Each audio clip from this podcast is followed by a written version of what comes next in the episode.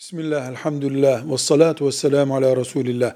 Bilhassa çocukların Kur'an-ı Kerim'i hatmetmeleri üzerine aile içerisinde veya varlığı yerinde olanların bir salonda tutup bunun için bir tören yapmaları ya da hafızlık bitiren çocuk için bir ziyafet verilmesi bir bid'at değildir. Bilakis Kur'an-ı Kerim'e teşvik etmek açısından hoş karşılanacak müstehap bir hareket olabilir. Ancak, ancak hafızlık veya hatim için yıl dönümü gibi, hafızlığının 5. yıl dönümü gibi, hatim bitirişinin 6. yıl dönümü gibi, yani süreklileştirmeye yönelik, sanki o onun bir parçası haline gelmiş ve bu bir ibadetmiş, bu yapılmasa artık Kur'an'ın hatmedildiği, tescil edilmiyormuş gibi bir ilave ruhu ile yapılırsa, yani bu eğer hatim yapmaktan, Kur'an okumaktan daha değerli, daha öne çıkan bir şey haline geliyorsa bu bidattır o zaman.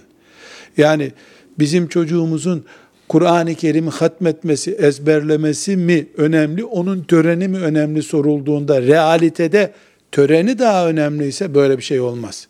Ama Rabbimize şükretmek için özellikle fukaranın bulunduğu, sulahanın bulunduğu bir yemek verilmesi, tören yapılması makbul bir şeydir. Velhamdülillahi Rabbil Alemin.